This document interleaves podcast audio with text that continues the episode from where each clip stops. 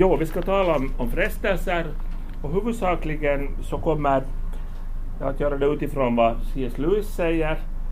Jag kommer också ta upp en rad bibelställen, i den mån jag hinner. Och det där, och säkert också har mina egna tankar smugit sig in i det här. Uh, jag tycker att ett seminarium ska skilja sig från ett, ett tal. Och det skiljer sig på det sättet att, att det ska vara en tvåvägskommunikation. Mm. Så det är inte bara jag som ska tala. Att jag förkortar gärna lite seminarier om, om ni kommer med era egna, egna funderingar så det blir ett tankeutbyte. Det betyder att, att ni får avbryta mig och säga att hör du, det där, det där kan jag inte riktigt hålla med om. Eller har du tänkt på det där? Så det, att det där, det får ni gärna göra. Uh, ja, den här C.S. Lewis, Clive Staples Lewis, litteraturprofessor från Oxford, eh, eh, eller han var faktiskt professor i, Cambridge men han var lärare i Oxford. Eh, och författare till många kristna böcker. Vem har läst någon bok av, av Lewis tidigare? De flesta. Ja. och, och vem har läst just den här boken Från helvetets brevskola? Uh, Böcker sänker sig. Ja. Eh, kom in, kom in här, nu två, två platser kvar. Sen är det... Ja. Jo, äh, eh, jag sa just för en stund sedan åt någon här att eh, att C.S. Lewis är en av de personer som kanske, eller, eller en av de författare som har påverkat mig allra mest och jag tycker att jag har fått så hemskt mycket av honom. Så när jag tog fram mitt exemplar av Från helvetets brevskola så ser det ut så här. Karmarna har lossat, de flesta säkert tittar det tio gånger och, och det är understreckat och, och så här. Uh, han har skrivit många andra böcker som är bra och kanske till och med tycker jag ännu bättre än den här. Men att nu är det nu främst den här som vi, vi ska syssla med. Heter på engelska Screwtape Letters.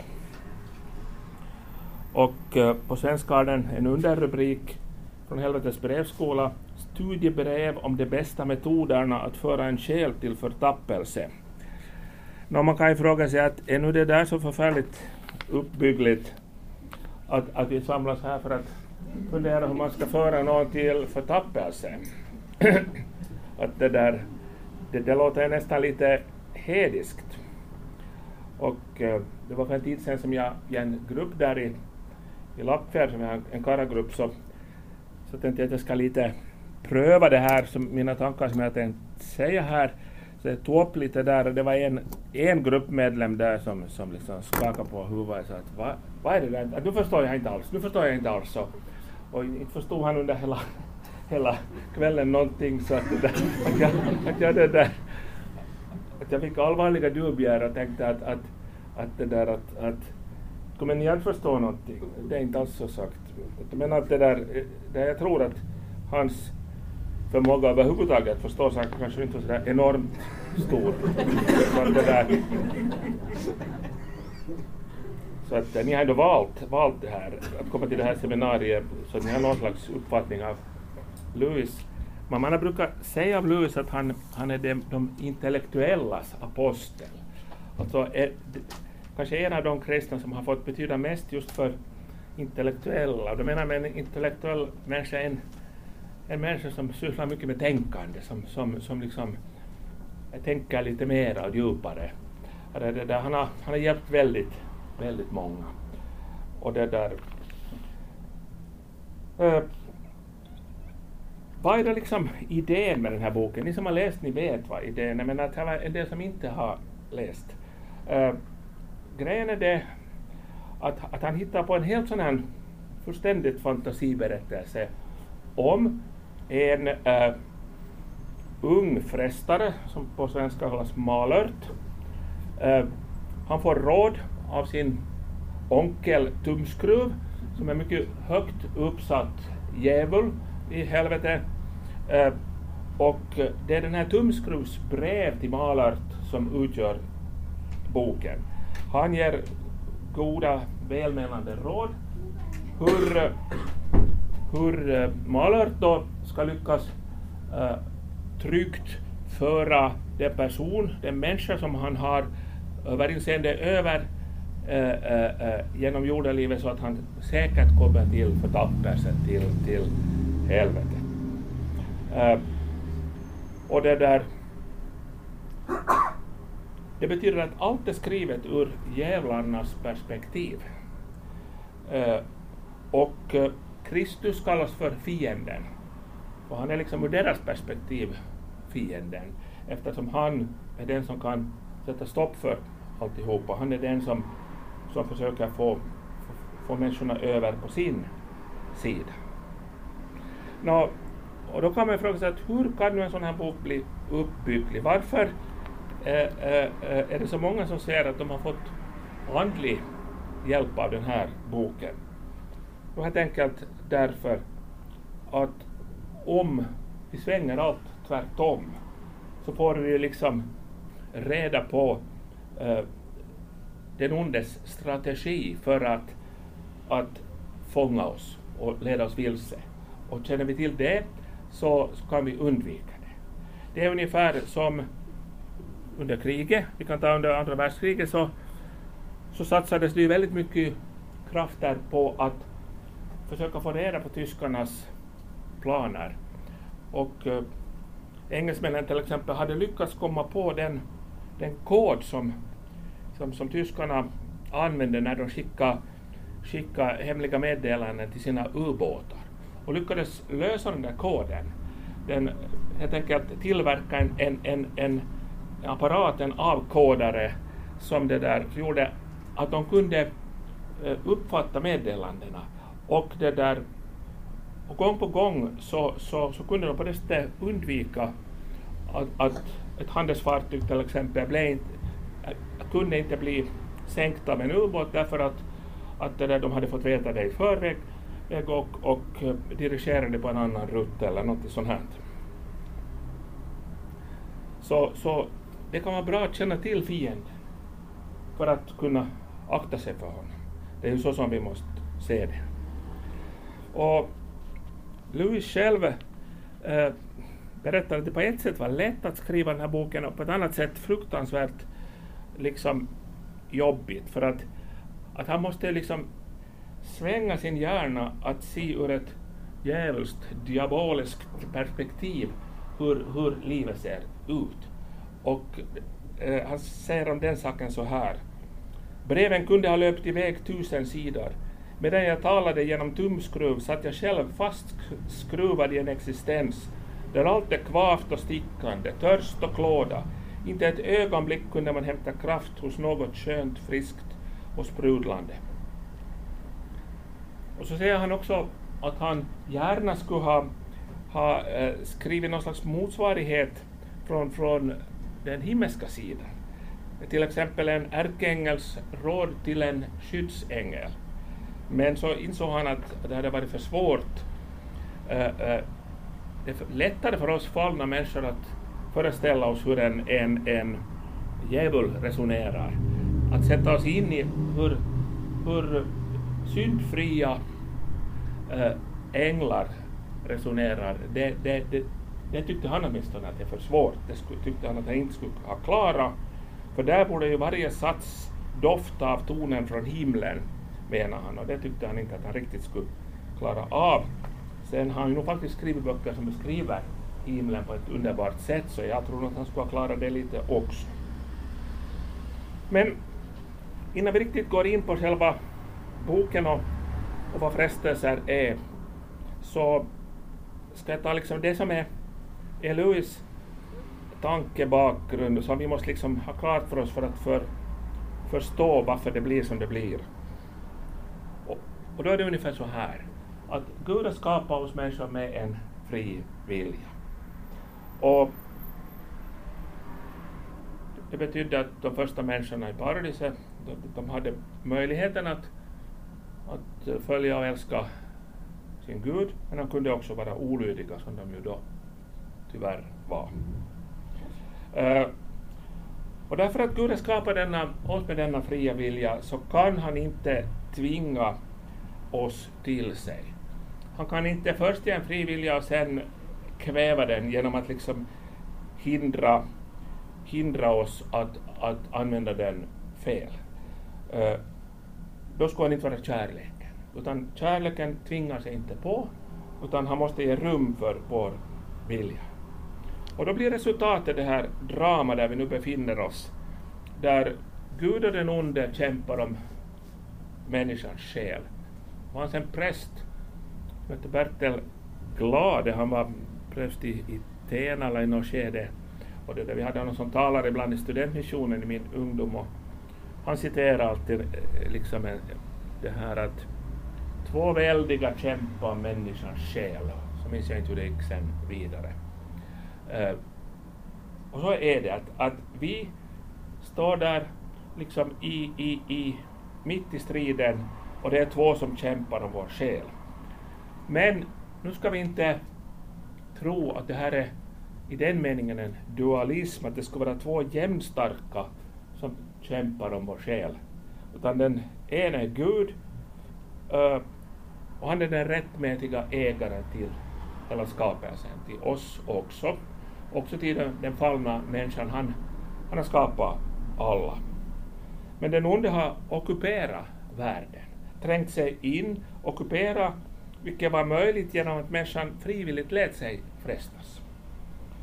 Och det där, och nu,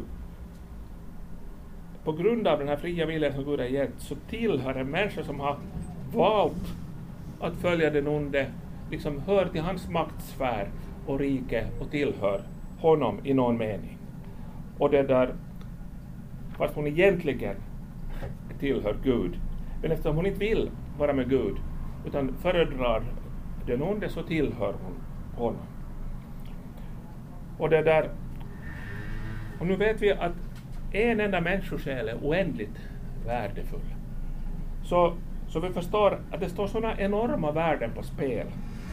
Att liksom vardera sidan är villig att ge upp mycket för att nå sitt mål. Uh, Gud ser människorna som eh, objekt för sin kärlek. Det är det där, eh, han har skapat oss för att få älska oss, för att göra oss gott. Djävulen ser då enligt Lewis människan, människorna närmast som någon slags föda. Alltså de livnär sig på och njuter av människans eh, förtvivlan. Liksom det där, på samma sätt som en ond människa njuter av att lägga en annan under sig, liksom börja behärska en annan, en annan människa. Det är en, utöka sin makt genom att liksom göra den andra till sin slav. Uh, I den meningen njuter uh, uh, den onde och hans pack av av människorna. De är som ett, ett slags föda. Uh, och det som allt handlar om, det är människans relation till Kristus. För, det är denna relation som, som liksom är det enda, vår enda räddning, det enda som kan rycka oss ur den ondes grepp eh, och föra oss till himlen. Och då handlar det om att ska den relationen fördjupas, vilket Gud strävar till, eller ska den eh, frätas sönder och upplösas så att, att vi, vi faller ur nåden och övergå till, till, till den ondes rike, till bundenhet under honom. Och, och då är frestelsens syfte helt enkelt, man skulle kunna säga att, att hela idén med den ondes frestelser är att leda människan ut ur hennes Kristusrelation. Eller om hon inte är i denna ännu, att helt enkelt se till att hon inte hamnar in i en äh, levande relation till Kristus. Så det är det som allt handlar om. Och enligt Lewis så kan nästan vad som helst inverka på den här relationen. Det, det är liksom inte så enkelt att det bara liksom handlar om grova synder att, att, att den onde försöker fresta oss liksom till mord och stöld och, och, och otukt och så vidare. Det, det gör han också. Men han kan nå lika bra resultat och ibland bättre också med mycket mindre medel. För det brukar vara på det sättet att när en människa faller riktigt rejält så då brukar hon bli medveten om sin situation, hur illa ställt det är med henne. Kanske till och med söka hjälp, kanske kommer till tro, kanske vänder om. Utan, utan den onde vinner många gånger större segrar genom att inte ta till så drastiska medel. Och nu börjar den här boken då med att, att så där i förbigående beskriva hur just den här människan som den här unga frestaren Malört uh, eh, har fått som sin patient eller, eller vad vi ska kalla honom att sköta om, att han säkert kommer till avgrunden. Uh, den här människan uh, kommer till tro på Kristus. Och det är ett enormt bakslag för mörkrets rike.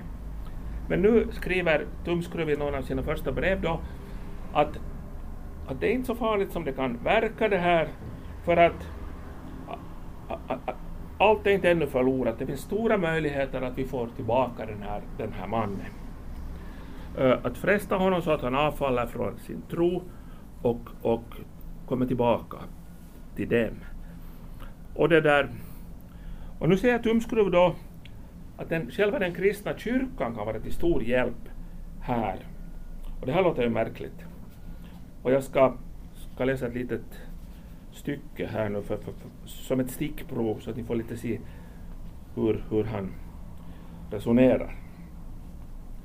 Här skriver då min käre Malört och, och, och så kommer det så här. En av våra stora bundsförvanter är för närvarande kyrkan själv Missförstå mig inte, jag menar inte kyrkan sådan vi ser henne omspännande alla länder och tider och med sina rötter i evigheten, skräckinjagande såsom en här med flygande fanor. Det medger jag, en syn som gör även våra modigaste frestare illa till mods. Men lyckligtvis kan människorna alls inte se den. Allt vad din patient ser är en halvfärdig byggnad i imiterad gotik på den nya kyrktomten. När han kommer in i den får han se kvarterets specerihandlare som med ganska salvelsefull min och beskäftiga maner kommer och räcker honom en liten bok i fint band med guldsnitt innehållande en liturgi som ingen av dem förstår. Samt en liten bok i tarvligt band innehållande ett antal religiösa dikter av vilka de flesta är dåliga och dessutom förvanskade och tryckta med mycket liten stil. När patienten kommer in i sin bänk och ser sig omkring så får han se just den kategori av sina grannar som han dittills har undvikit att komma i beröring med. Du får rätt mycket bygga din taktik på dessa grannar.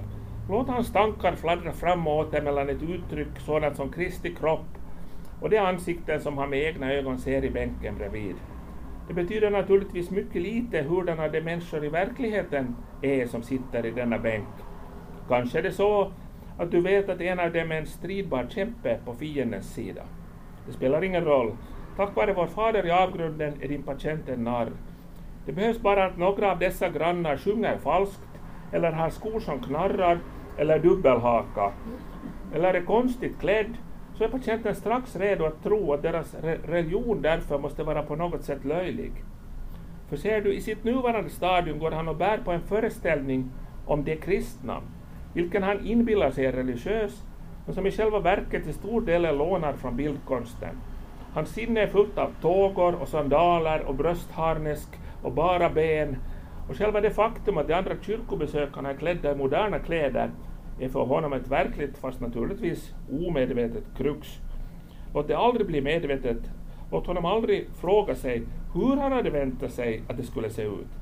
Se till att hans inre alltid förblir dimmigt, så får du hela evigheten på dig för den förnöjsamma sysselsättningen att göra honom delaktig av det speciella slag av klarsyn som helvetet skänker. Och det där var ett litet ett, en, exempel. Så att vi ser eh, att de kristnas bristfälligheter och svagheter kan vara som ett redskap för den, den onde. Och jag minns nog när jag själv kom till tro som 19-åring, var studentmissionen i Helsingfors då, så det där, när jag liksom började komma med där på deras samlingar sen och så omkring mig så tänkte jag, men men vart har jag hamnat egentligen? Det här är ju nog riktigt B-gänget det här. att, att liksom, hur i hela världen har jag hamnat in bland de här? Så tänkte jag sen att jag väl passar väl ganska bra här, att jag är ju likadan själv. Men att det där... Men på något sätt, liksom, det var inte det var inte i den meningen A-gänget. Det var inte de där som såg bäst ut, som liksom var trevlig gast sådär till, till, till det yttre och så här, utan det var nog en, en ganska slagen och sliten skara uh, uh, studerande som jag då hade hamnat in i. Och frestelsen var liksom att på något sätt liksom tro att, att därför att de kristna är lite bristfälliga så skulle Kristus också vara det. Och, och tron uh, har något skavanker. Men de här sakerna behöver ju inte höra ihop. Uh, och, och Louis går mycket in på det här just att allt som kan hålla människan borta från Kristus duger. Det kan till och med handla om, om längtan efter att äta mat. Eh, jag ska ta ett exempel på det så får ni se. Han skriver här i sitt brev då, tar han upp ett, berättar ett exempel åt den här unga frestaren Malert. Jag hade en gång en patient, en pålitlig ateist, som ofta besökte läsesalen i British Museum. En dag när han satt där och läste märkte jag att han höll på att komma in på en tankegång som kunde leda honom på villovägar. Fienden stod naturligtvis ögonblickligen vid hans sida. Innan jag hade hunnit fatta hur landet låg såg jag hur det som jag hade arbetat i 30 år på att bygga upp nu började vackla. Om jag hade tappat huvudet och börjat försöka försvara min position med logiska resonemang så hade jag varit såld. Så dum var jag inte. Jag satt genast in anfallet mot den sida hos mannen där jag hade det säkraste övertaget. Jag gav honom en vink om att nu kunde det vara på tiden att han gick och fick lite lunch. Fienden kom förmodligen, du har väl märkt att man aldrig riktigt kan avlyssna vad han säger till dem, med en antydan i motsatt riktning, att, här, att det här var viktigare än lunchen. Åtminstone tror jag att det måste ha varit den strängen han spelade på för det jag sa, alldeles riktigt, saken är verkligen så viktig att man inte kan ta itu med den så här långt på, fram på förmiddagen. Så sken patienten upp betydligt och jag hade knappt hunnit tillägga det är mycket bättre att gå tillbaka efter lunch och gripa sig an saken med friska krafter, förrän han redan var halvvägs utom dörren. Och när han bara väl hade kommit ut på gatan så var slaget vunnet. Jag visade honom på en pojke som ropade ut middagstidningen och på 73ans buss och innan han hade hunnit ner för trappan hade jag bibringat honom den orubbliga övertygelsen att vilka konstiga idéer en person än må få i sitt huvud när han sitter instängd bland sina böcker, så behövs det bara en hälsosam dosis av det verkliga livet. Med det menade han bussen och tidningspojken. För att få honom att inse att allt sånt där helt enkelt inte kan vara sant. Han insåg att han hade svävat i överhängande fara och längre fram i livet talade han gärna om detta halvt omedvetna sinne för realiteter som är vårt elementäraste skyddsmedel mot de villfarelser som den rena logiken kan föra till. Han befinner sig nu i gott förvar i vår faders hus. Vår fader, alltså den onde själv. Så det där... Och jag måste säga att, att jag håller nog med Louis i det här fallet. Jag, hur många gånger har inte jag, både som präst och och innan jag var präst, eh, prata med någon människa och så börjar det liksom öppna sig och man märker att nu är ett genombrott nära, att den här människan är på väg att komma till tro. Och så plötsligt liksom säger den just någonting i stil med att nej, nu måste jag nog gå och äta eller, eller det, där, det där, nu måste jag göra det eller det.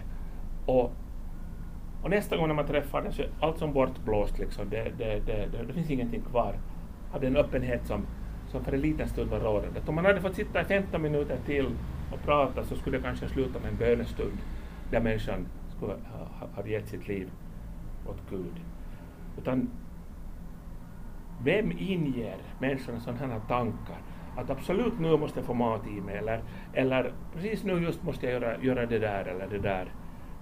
Uh, Louis antyder genom sin bok att det helt enkelt kan vara fråga om just de här onda makterna. Och det är nog en ganska skrämmande tanke om det skulle vara på det sättet att vi inte bara har en skyddsängel eller två, utan att vi kanske har en speciell äh, äh, demon också som, som har som sin uppgift att bevaka mig och att få mig att falla i synd, dra mig längre bort från Kristus, liksom få mina sämsta sidor att blomma ut och få, och få mina bättre sidor att, att liksom krympa ner och så vidare. Skrämmande tycker jag åtminstone att den tanken är. Innan jag går vidare så det där, är det någon som här har några funderingar kring det här som hittills har varit inne på? Eh, Louis är på det sättet, han tar liksom skydd bakom den här romanens form, att han ser inte att det nödvändigtvis är på det här sättet, utan han, han, han framkastar att det skulle kunna vara så här.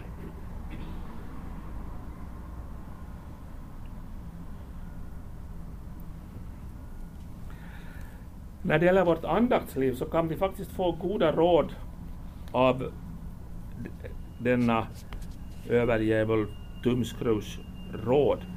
Bara vi svänger dem tvärtom. Eh, jag ska ta ett exempel. Det där, den här unga malaren då att, att liksom den, här, den, här, den här mannen eh, hade börjat be uh, allt mera och så och så det där äh, äh, säger då liksom tumskruv att det, det behöver inte vara så farligt bara vi liksom leder det på, på rätta spår. Och då fortsätter han så här. Så snart det vänder sin uppmärksamhet mot fienden själv, det är alltså Kristus då, så är vi besegrade. Men det finns utvägar att hindra dem från att göra det. Det enklaste sättet är att vända deras blickar bort från honom och mot dem själva. Lagarde ständigt ger akt på sitt eget själstillstånd och försöker att framkalla känslor genom att spänna sin egen vilja.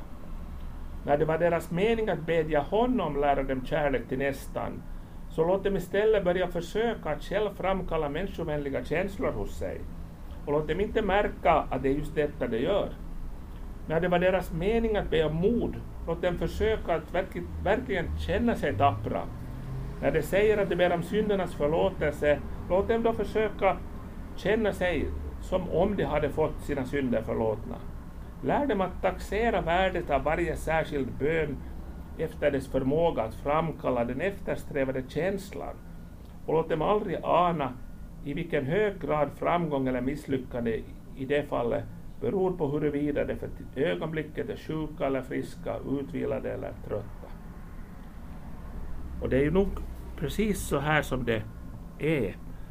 Att det finns ingenting som är så förödande skadligt för andaktslivet som det att man liksom börjar granska sig själv. Jag vet inte om ni har märkt det, där man kan förstöra vilka goda saker som helst. Att om du är på riktigt gott humör så börjar du fundera ja, jag tycks vara glad nu, nu ska jag liksom riktigt känna efter hur det är att vara glad. Och när man vänder blicken liksom bort från det som ger glädje och in mot själva glädjen inne i en själv, så efter en liten stund så löser det upp sig och det finns ingenting kvar. Inte det är meningen att vi ska liksom granska vår egen fromhet, utan vi ska se på Kristus, vi ska hålla oss, uh, gå hans vägar och då ger han oss känslor. Vi kan få glädje, vi kan få, få frid och vi kan få det ena och det andra. Men börjar vi söka efter känslorna eller stirra på dem så då är det som de ganska snart skulle upplösas och, och, och, och vi har tappat bort det. Eh, sen har den här den här mannen, Malerts patient, han har lite svårt till exempel med förhållande till sin egen mamma. Eh, den här mamman tycks vara, vara lite besvärlig och det där gnällig. Och, eh, och Tumskruvs frestarråd till Malört lyder så här. Du måste få honom därhän att han kan ägna sig åt självrannsakan en timme i sträck utan att upptäcka något enda av de fakta angående sig själv som står fullständigt klart för var och en som någonsin har bott under samma tak som han. Och så här kan det nog vara hörni, med oss kristna människor, faktiskt, med mig själv och, och vi ser ju att det är alltid bäst med andra, att liksom att, att människor kan ha riktigt uppenbara liksom sådana karaktärsfel som de gärna borde åtgärda. Men de ser inte det, utan de kan liksom ungefär liksom ligga på knä och be till Gud att, att få syn på liksom det där, vad de borde göra. Och de ser inte det som alla andra ser ögonblickligen. Att det där är ju ditt problem, det där borde du ta itu med.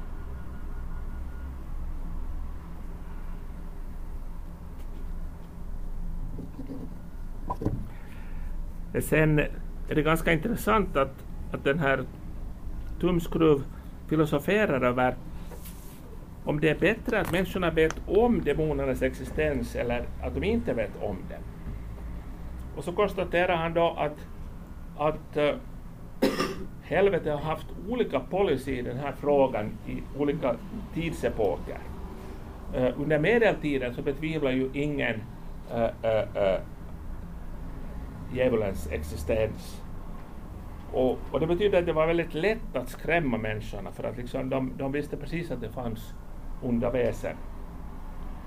Men så säger han att idag har, har taktiken ändrats och nu går taktiken ut på att människorna inte ska veta om djävulens existens och skratta åt själva tanken att det skulle kunna finnas någon, någon sån här som och, och, då tänker man på några varelser med horn i pannan och så vidare, så skrattar man gott åt så där finns ju inte. Och då vet man inte att just i, i den stund man gör det så är man liksom föremål för, för, för deras verksamhet. Eh, hur de nu sen ser ut, det har vi ju inte en aning om, men Guds ord säger väldigt tydligt att, att den onde är en realitet och han är inte ensam, utan eh, vi får ju små antydningar i Bibeln om att, att när den onde det gjorde uppror mot Gud sen nedkastades från himlen så drog han ju med sig en tredjedel av änglarna. Och de var många. Så det finns miljoner av dessa, dessa demoner. Och jag tycker att det påminner lite om en sån här flugsvärm. Och, det där. och ett av den ondes namn är ju Beelzebul som kan översättas flugornas furste Det finns också en bok med den titeln, men, men det där men den onde Belsebul är flugornas furste och dessa, dessa onda andar som han härskar över är som flugor, mycket irriterande och sprider sjukdomar. Uh,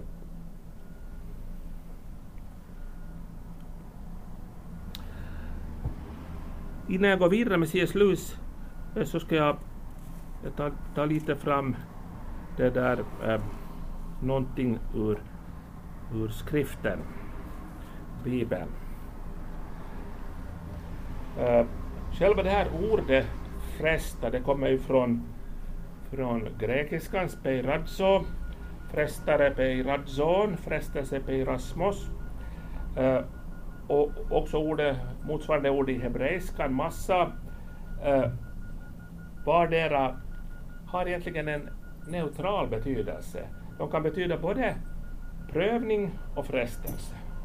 I svenskan har vi två ord och det är på ett sätt bra för att, att prövningen det är det som liksom som kan, kan, kan, att vi hamnar in i svårigheter och det har på något sätt liksom positiva förtecken att genom prövningar kan man liksom växa sig stark. Medan frestelsen är liksom, har negativt förtecken. Att frestelsen kommer i avsikt att vi ska falla. Och, men som vi kommer att se så en frestelse som den onde skickar kan av Gud göras om till en prövning i vilken vi växer. Så att den onde helt enkelt utan att ha velat det har gått Guds ärenden. Uh, Luther säger triumferande att den onde får lov att vara Guds springpojke fast han inte skulle vilja det. Men jag ska läsa upp Jakobs brev, det första kapitlet och, och trettonde, trettonde versen lite framåt eh, om frestelsen, och jag läser i folkbibelns översättning. Ingen som frestas ska säga, det är Gud som frestar mig. Ty Gud frestas inte av det onda och frestar inte heller någon. Var och en som frestas dras och lockas av sitt eget begär. När så begäret har blivit havande föder det synd, och när synden är fullmogen föder den död. Bedra inte er själva, mina älskade bröder. Alltså, först slår det fast att Gud frestar ingen. Eh, frestelse i den meningen att vi ska falla, den kommer aldrig från Gud. Gud kan tillåta svårigheter som blir en prövning i vilken han har tänkt sig att vi ska växa.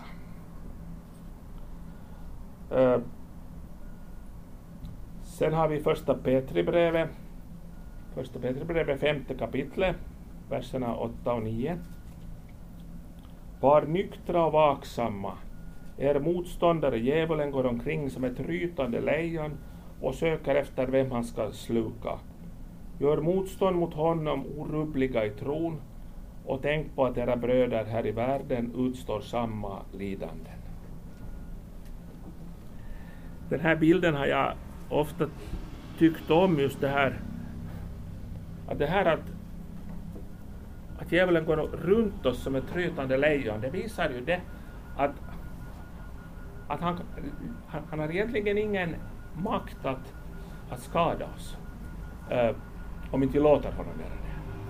Utan han, han går runt och försöker skrämma oss så att vi liksom frivilligt ska gå liksom ut från den här skyddade, trygga cirkeln där vi har, har Guds beskydd. Och, så att han kommer åt att skada oss. Men han, han har inte den makten att han kan, kan eh, åtminstone skada oss på något sådant sätt att det skulle bli oss till evig, evig skada.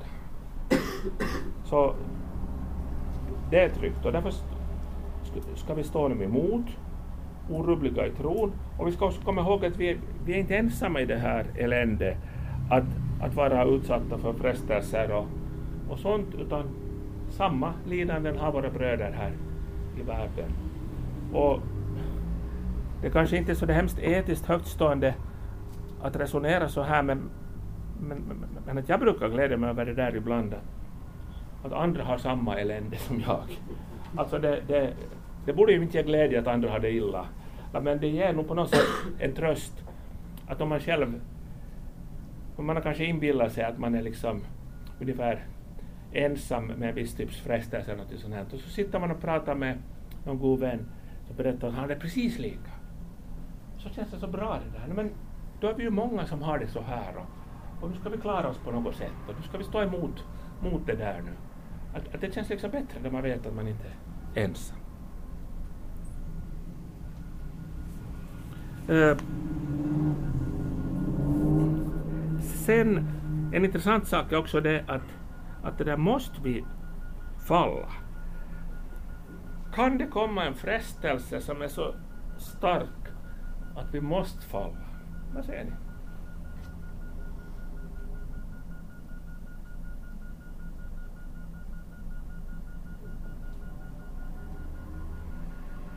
Nej, nej, vi måste inte falla därför att, att då skulle det inte ens vara en frestelse utan då är det liksom rent, rent våld. Uh, och, det där, och det är just det som den onde inte har makten till. Uh, det där vi är Guds älskade barn, med dyrt köpta, han har, inte, har, inte har han någon makt att, att liksom uh, tvinga oss till någonting, den onde. Men han kan bara fresta, locka. Och i första Korintierbrevet har vi ett ord på det här. Första Korintierbrevet, tionde kapitlet och trettonde versen, versen där det står så klart så här. Ingen annan frestelse har drabbat er än vad människor får möta. Gud är trofast, han skall inte tillåta att ni frestas över er förmåga Utan när frestelsen kommer ska han också bereda en utväg så att ni kan härda ut. Och det här ser du Guds eget ord. Så att när den onde liksom kommer till oss och, och, och vill inbilla oss och säga så här att har du, den här frestelsen nu, den är så stark så att, att du kan ju försöka stå emot den men, men du kommer ju ändå inte att klara det. Du kommer att falla, att det är bara en tidsfråga. Kanske du kan stå emot några minuter eller timmar men du faller ändå förr eller senare. Så du kan lika bra falla med samma för att det, där, det går så ändå. Så ljuger uh, i denna situation finns enligt det här löftet som just läste i Första Korintierbrevet alltid inbäddad en lösning, eh, en utväg, om vi vill ha den där utvägen. Det finns en möjlighet att stå emot. Eh, man behöver inte falla för frestelsen att stjäla och inte heller för att mörda och inte heller för att tala illa om sin nästa och inte heller för att begå otukt fastän det kan kännas. Och i synnerhet om det gäller det område som kanske är ens har att göra med skötesynd, där man liksom på något sätt viljan är urholkad för att man har fallit så många gånger och reser visserligen igen men fallit på nytt. Att viljan har på något sätt blivit ganska urholkad och, och, och man kan tycka att det känns liksom hopplöst, att det här faller jag ju alltid i, så varför skulle jag inte falla den här gången? Eller, det är ungefär som alkoholisten som, som, liksom, som på något sätt vet att han kommer nog ta till flaskan. Men nu att, att en sån här besvikelse som den som han just fick uppleva, det klarar han inte utan att styrka sig. Att det där, eh, och eftersom han ändå kommer att falla så kan han ju lika bra falla med samma och så tar han själv upp flaskan och dricker med, med en gång, för att han, han kommer ju ändå att göra det. Här är typiska den ondes lögner. Sen talar Guds ord om att, att Satan kan uppträda i förklädnad. Ja, egentligen gör han väl nästan det oftast, för att ska han visa sig vem han är, att vi förstår att förslaget kommer därifrån, så är det väl inte någon annan än en renodlad satansdyrkare som skulle lyda det. Men det där, uh, han förklär sig. Han kommer som en ulv i fårakläder. Eh, det är ännu värre, det står i Andra Korintierbrevet kapitel 11, vers 14, senare delen av versen, och så här. Satan själv gör sig lik en ljusets ängel. Därför är det inte underligt att också hans tjänare uppträder som tjänare åt rättfärdigheten men det kommer att få det slut som det förtjänar. Alltså de, de människor som går i den ondes ledband kan också uppträda som, på något, som under förklädnad. Och, och, och till och med till och med finns det ju exempel på att, att liksom den onde kan komma in i Guds församling så att en, en pastor kan vara en renodlad djävul i förklädnad. Tänk på den där Jim Jones som för, vad det nu, på någon på 70-talet reste med sin sekt eh, till, till eh, Guyana i, i, i norra delen av Sydamerika och efter en tid där tog han livet av 900 personer. Det där eh, allt under fromma förevändningar. Han, han lovade dem att, att de ska få höga platser i himlen och så vidare och lura hela gänget. Eh, också en kristen människa kan märkligt nog ibland vara ett redskap för den onde. Och ni känner ju till, skulle jag tro, det där klassiska exemplet som vi kan läsa i Matteus evangeliet 16 kapitel. Jag läser från 21 versen för att få lite bakgrund. Från den tiden började Jesus förklara för sina lärjungar att han måste gå till Jerusalem och lida mycket genom de äldste och översteprästerna och de skriftlärda och att han måste dödas och på tredje dagen uppväckas. Då tog Petrus honom åt sidan och började motsäga honom. Gud är nådig mot dig, Herre, detta ska aldrig hända dig. Men Jesus vände sig om och sa till Petrus, Gå bort ifrån mig, Satan. Du vill få mig på fall. Vad du tänker är inte Guds tankar utan människotankar. Så vi ser att Jesus tilltalar inte Petrus utan, utan Satan som liksom är där bakom Petrus och som har ingett Petrus den här aviga idén att det bästa skulle vara om Jesus inte skulle gå till Jerusalem för att då skulle han inte dö. Petrus hade inte förstått att hela idén med Jesu liv var det att han till slut skulle dö i Jerusalem och bära mänsklighetens synder på Golgata kors.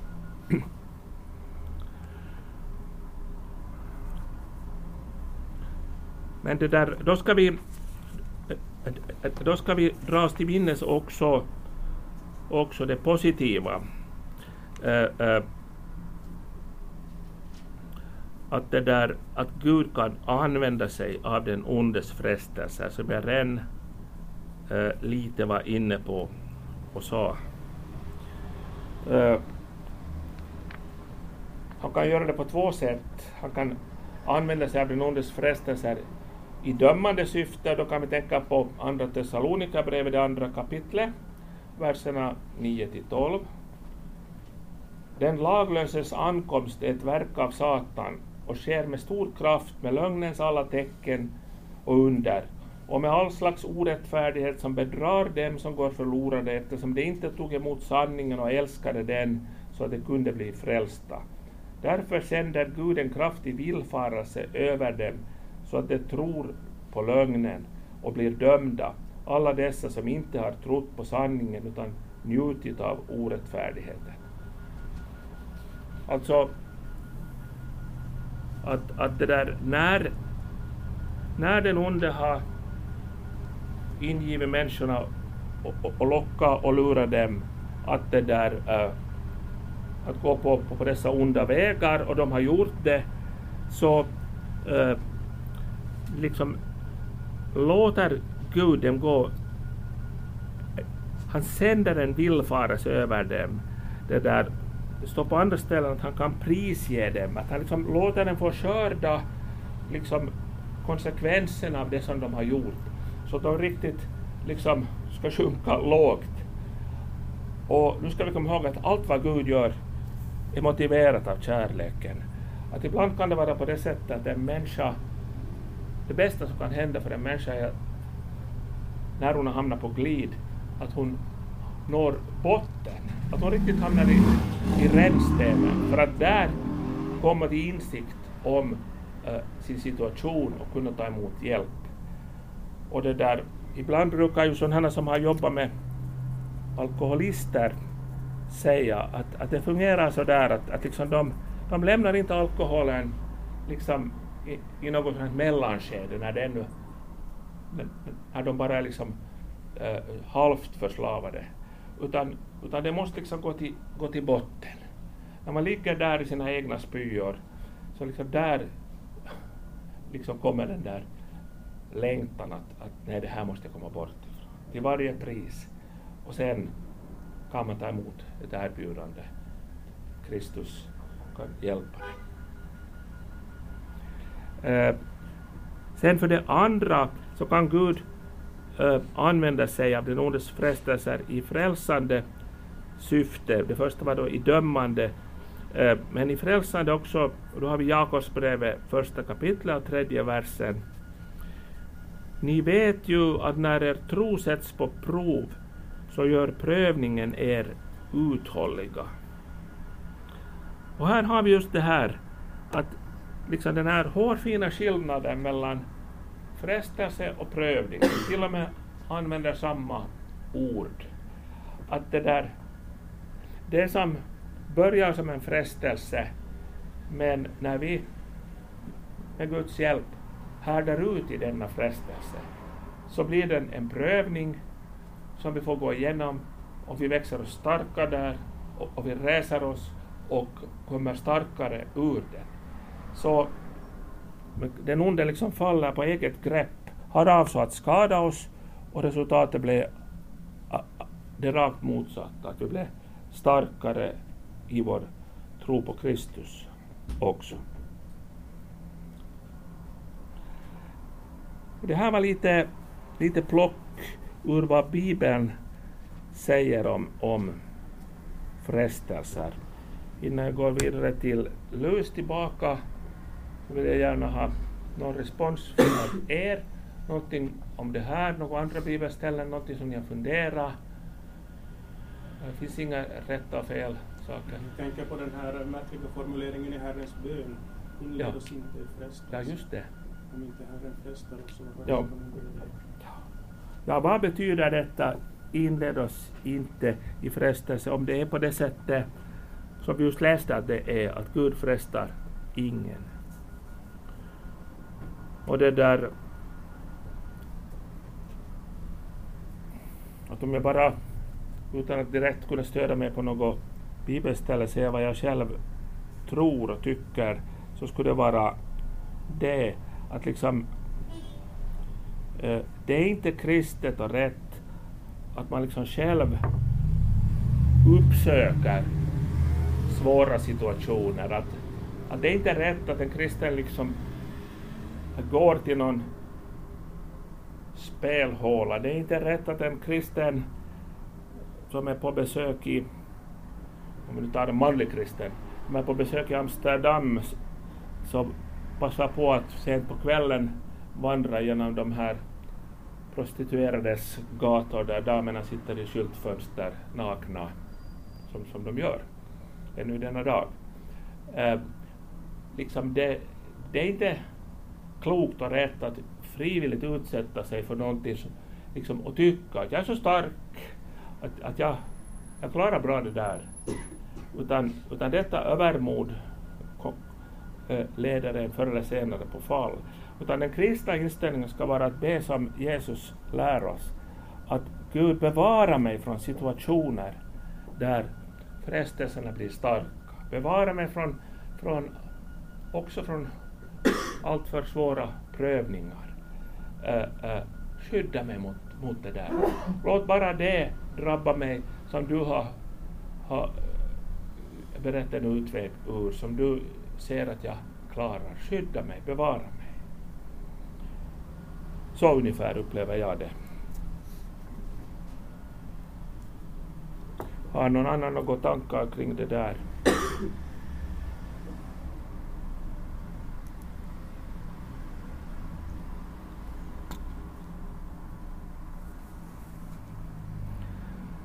Eh, då går vi lite tillbaka till Lus igen. Eh, Tumskruv skriver om oss människor så här att vi är vedervärdiga hybrider mellan ande och djur. Det kan man på ett sätt förstå att en ond ängel skulle kunna, skulle kunna eh, säga för att, att, att det är lite det vi är. Vi är liksom biologiska i den meningen djur. Och samtidigt så är vi, är vi det där andliga väsen. Det står till och med att vi i någon mening står över änglarna. Vi ska en dag döma änglar. Det, det där vi, vi är skapade till Guds avbild. Det står ingenstans att änglarna är skapade till det. Uh, Kristus själv har, har blivit en människa. Vi är märkvärdiga korsningar mellan ande och, och, och, och biologiskt djur. Uh, om nu skriver Tumskruv om den saken så, så här. Människorna är dubbelväsen. Hälften ande och hälften djur. Fiendens beslut att skapa en dylik vedervärdig hybrid var en av de orsaker som kom vår fader att undandra honom sitt stöd. Så som andar tillhör de evighetens värld, men i sin egenskap av djur har de sin varelse i tiden. Detta innebär att under det att deras själ kan inriktas på ett evighetsmål, så är deras kroppar, deras lidelser och föreställningar underkastade ständig förändring. Ty att leva i timligheten betyder att vara stadd i förändring. Den högsta grad av beständighet som de kan uppnå är därför vågrörelsen ett ideligt återuppstigande till en nivå från vilken det ideligen åter sjunker tillbaka. Här innan jag läser vidare så att jag tycker det, det är verkligen en god själavårdare som skriver det här. För så är det ju med vår känsla, som Rosenius också säger i en av sina sånger, att, att hur obeständig känslan är, att den kommer och går. Och, och det där och liksom, vi skulle ju vilja uppnå gärna det där att vi skulle ständigt liksom ha andlig högspänning, ständigt liksom vara fyllda av en, en, en bubblande frid och glädje. Och det finns ju de kristna rörelser eller sekter, eller vad vi ska kalla det, som utlovar det här. Som säger att liksom, kom till oss, så, så, här är vi alltid glada. Har ni sett de där hur de ser ut de här människorna. Så ett påklistrat amerikanskt jättebrett smil som liksom inte har någonting med verklig glädje att göra. Inte kommer härifrån inte, utan det liksom, man ska vara så och därför ska man ständigt gå med ett sånt påklistrat läder. Det, det blir ju väldigt tungt och besvärligt. Tänk att inte få vara sig själv, att inte få gråta, att inte få liksom vara bara nedstämd, att inte få dela sina, sin sorg med någon, utan ständigt måste låtsas vara något som man inte är. Inte är man alltid på gott humör. Utan kristenlivet är just ett sånt här liksom, en sån här vågrörelse. Det går upp och ner med känslan, men vi tillhör hela tiden Kristus. Han är, vårt förhållande till honom är detsamma, men ibland känner vi mer, ibland känner vi mindre ljuvliga känslor. Så här, här får denna överängel Eh, en tumskruv liksom förmedla djupa andliga sanningar fast han gör det i formen av, av liksom, eh, att, att visa hur den här underdjävulen Malart ska kunna bäst fresta. Jag ska läsa vidare lite. Om du omsorgsfullt hade gett akt på din patient skulle du ha lagt märke till att denna vågrörelse inom alla områden av hans liv Hans förmåga att intressera sig för sitt arbete, hans tillgivenhet för sina vänner, hans kroppsliga begär, allt detta stiger och faller. Så länge hans jordevandring varar kommer perioder av full vitalitet i fysisk, fysiskt och emotionellt avseende att omväxla med perioder av avtrubbning och utarmning. Den period av känslotorka och apati som din patient för närvarande genomlever är inte som du i din enfald inbillar dig ditt verk, den är bara en naturlig företeelse som inte kommer att vara oss till något gagn om du inte utnyttjar den väl. För att kunna avgöra hur du bäst ska kunna utnyttja den måste du fråga dig vilket bruk fienden ämnar göra av den och sen göra raka motsatsen. Du blir nu kanske förvånad när jag säger dig att han i sina ansträngningar att sätta sig i besittning av en själ för alltid förlitar sig på vågdalarna ännu mer än på vågtopparna. Vissa av hans speciella gunstlingar har varit nere i djupare vågdalar och varit där längre än någon annan. Orsaken härtill är följande. För oss betyder en människa i första hand föda. Vårt mål är att hennes vilja ska bli absorberad av vår och att våra egna personligheters livsrum ska utvidgas på hennes bekostnad. Men den lydnad som fienden kräver av människorna är någonting helt annat. Man måste göra klart för sig det faktum att allt det där talet om hans kärlek till människorna om att tjänarskap hos honom innebär den fullkomliga friheten. Detta tal är inte, som man gärna skulle vilja tro, bara propaganda, en förfärande sanning. Han önskar verkligen att fylla universum med en mängd vidriga små kopior av sig själv. Varelser vilkas liv i sin diminutiva skala ska vara, kvaliteten, ska vara till kvaliteten lika hans eget. Inte på grund av att han har uppsugit det med sig, utan därför att deras vilja frivilligt formas efter hans. Vi önskar oss fänad som när tiden är inne kan bli oss till föda. Han önskar sig tjänare som när tiden är inne kan bli hans barn. Vi önskar att suga i oss, han önskar att ge ut. I oss är tomhet och den trängtar efter att fyllas, hos honom är fullhet och den flödar över. Vårt mål är en värld där vår fader i avgrunden har i sig uppsugit alla andra varelser. Fienden önskar sig en värld full av väsenden som är förenade med honom, men likväl är självständiga individer. Det är ganska märkligt att, att liksom här förmedlas liksom djupa andliga insikter genom en, i en djävuls mun, märkligt nog.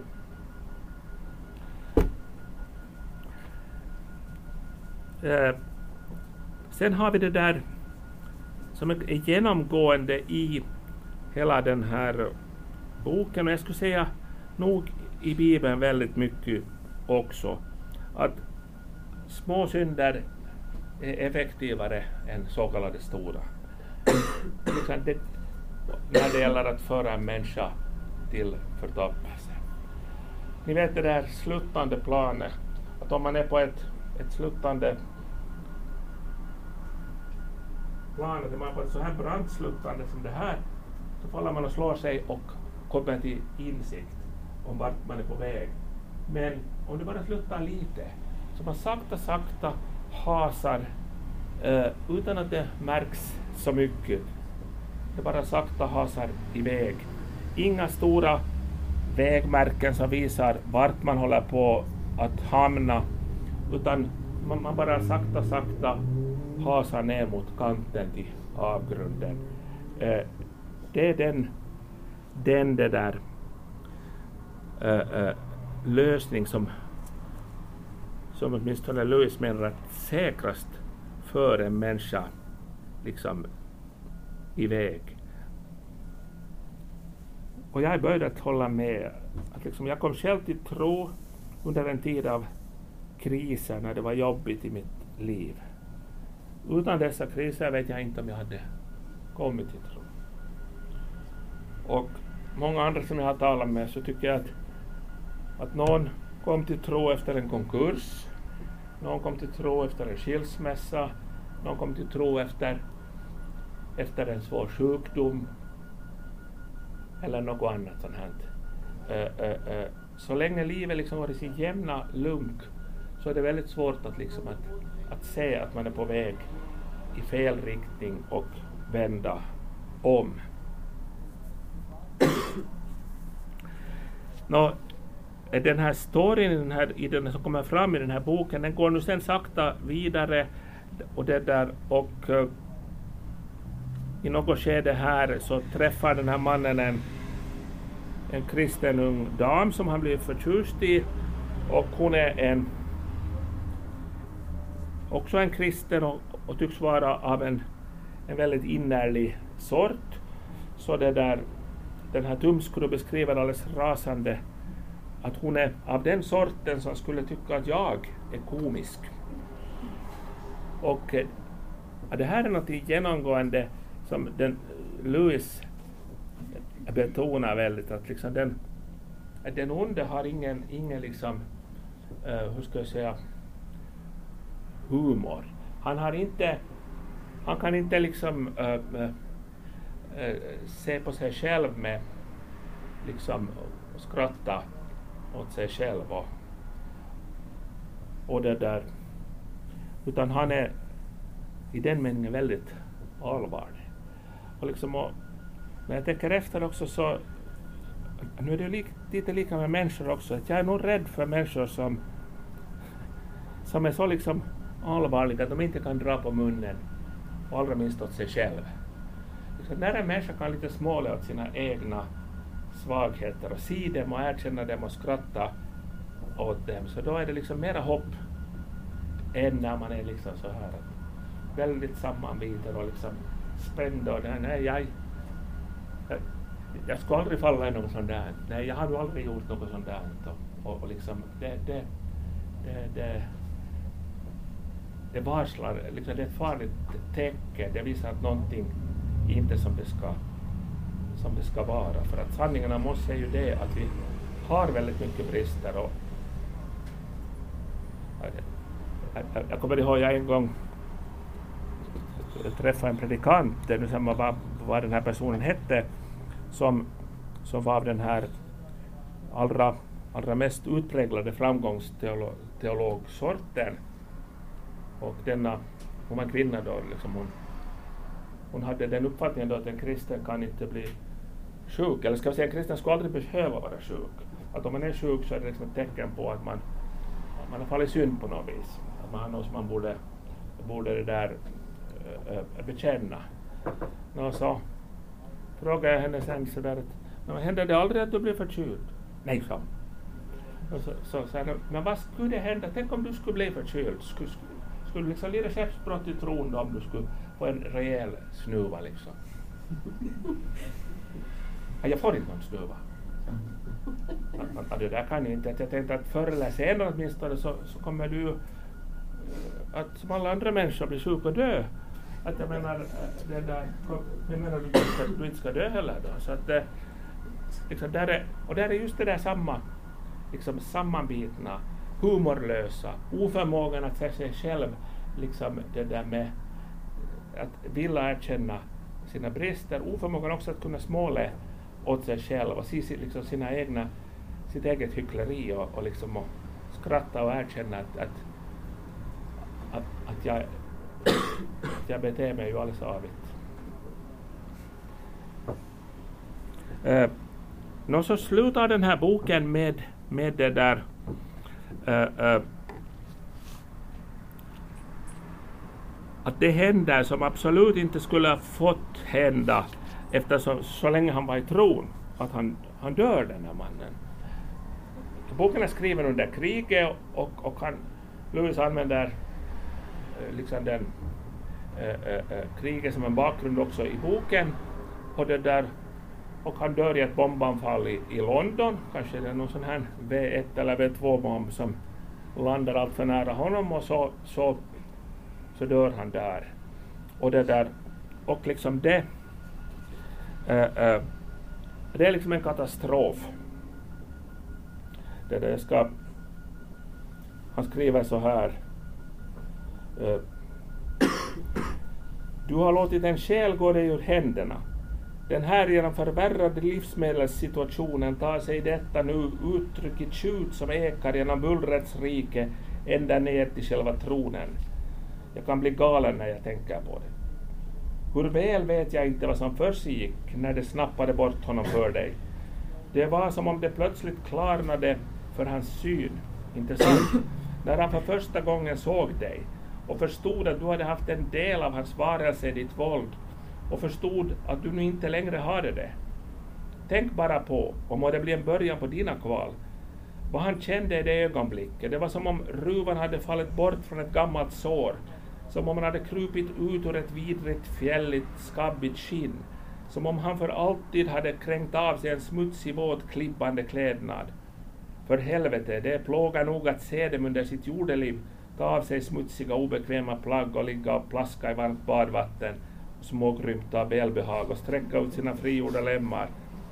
Vad ska man då inte känna när det sådär för alltid avklär sig obekväma trasor så där fullkomligt avtvagar sig all orenlighet.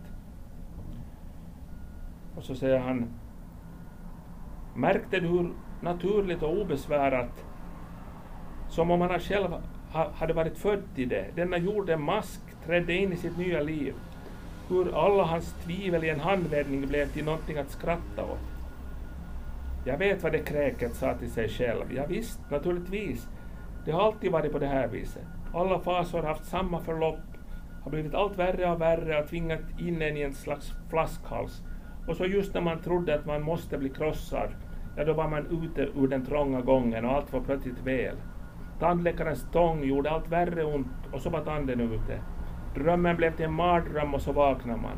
Man dör och dör och så är man där döden inte finns. Hur kunde jag någonsin tvivla på det? När hans ögon öppnades så att han såg dig, då såg han också dem. Jag vet hur det var. Du raglade bakåt, bländad och yr. Du hade fått en värre chock av dem än han någonsin hade fått av bomberna. Och vilka är då dessa dem? Jo, det är förstås de goda änglarna, kanske mannens skyddsänglar. Eh. Men när han fick se dem, då visste han med sig att han alltid hade känt dem och han förstod vilken roll många av dem hade spelat vid många tillfällen i hans liv, när han trodde att han var ensam, så att han nu kunde säga till den ena efter den andra av dem, inte vem är du, utan jaså, det var du som var med mig hela tiden. Allt vad det vid detta möte visade sig eh, eh, vara och allt vad det sade, det väckte till livsminnen hos honom.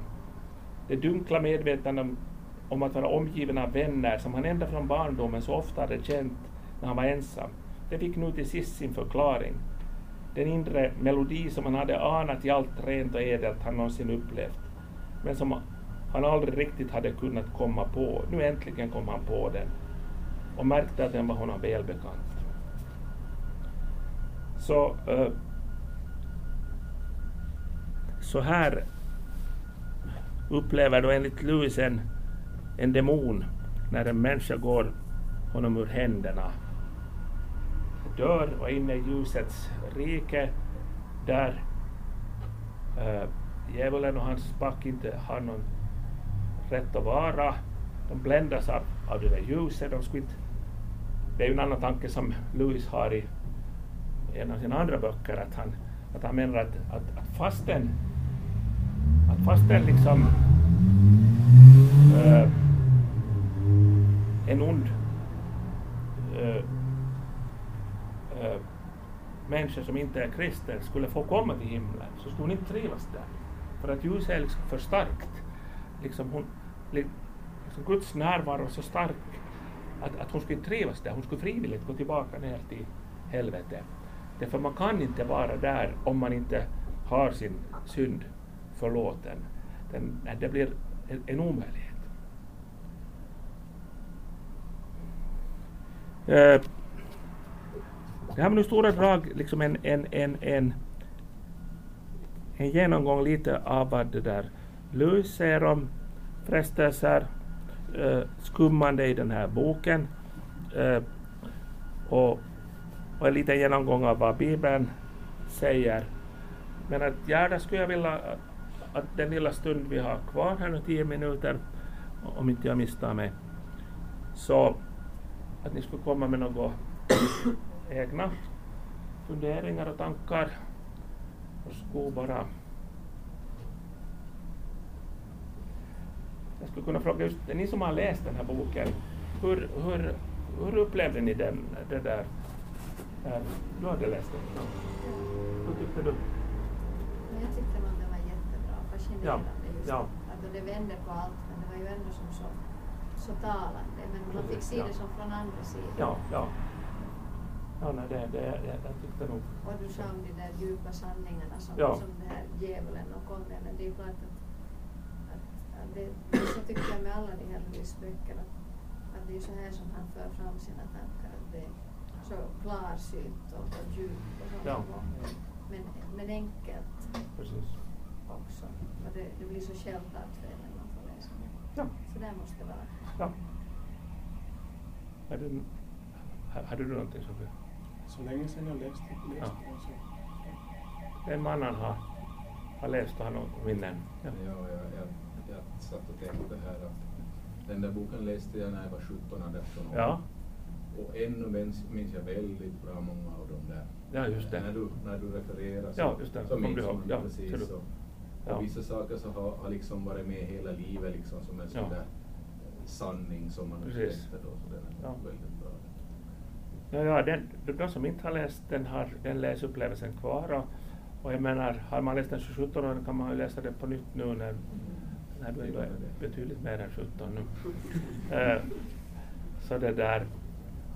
Och vad ska vi säga, det, det finns, han har skrivit en bok som heter Den stora skilsmässan som, som just liksom tar upp de där tankarna att, att liksom den som inte vill underordna sig Gud och ta emot förlåtelsen skulle inte trivas i himlen. Det där det kan jag rekommendera, kanske inte så lätt att få tag på. Hans böcker är lättast att få tag på på engelska. Det, det finns en kristen bokhandel i Helsingfors som säljer sådana här engelska pocketutgåvor av husböcker för väldigt låga priser. De kan kosta ungefär fem euro styck eller sådär. Några mera funderingar? Det där.